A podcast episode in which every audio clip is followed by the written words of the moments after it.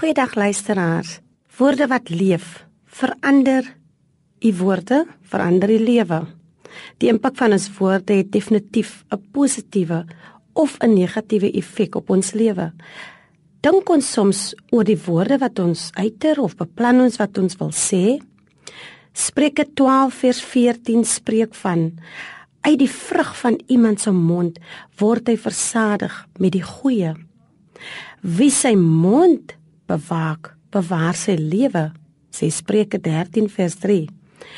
Hoe kosbaar sal ons lewe nie wees as ons waak oor wat ons praat, dat selfs die vrug van ons mond ons lewe bewaar.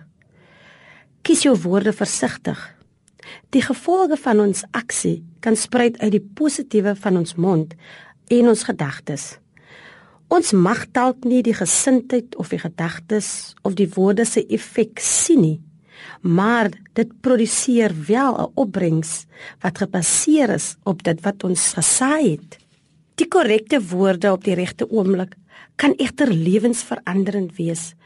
Woorde wat in ons gees gespreek word, kan ons of hartseer of vrede gee of ons ontstel, gebaseer op die tipe woordkeuse wat ons vandag spreek. God verlang egter van ons om ons gees op te lig, asook die volgende persoon wat wat moontlik swaarmoedig instap of om hulle aan te moedig met die woorde van lewe. Kom ons bid vandag. Here stel 'n wag voor my mond. Bewaar die deur van my lippe. Volgens Psalm 141 vers 3.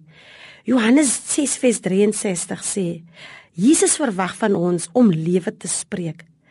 Dit is die gees wat lewend maak. Die vlees is van geen nut nie. Die woorde wat ek tot julle spreek, is gees en lewe. Spreek egter vandag lewe. Jy het 'n keuse. God se gees woon binne in ons en sy gees is positief. Kom ons laat sy gees toe om 'n positiewe opbouende werk in ons gedagtes te bewerkstellig.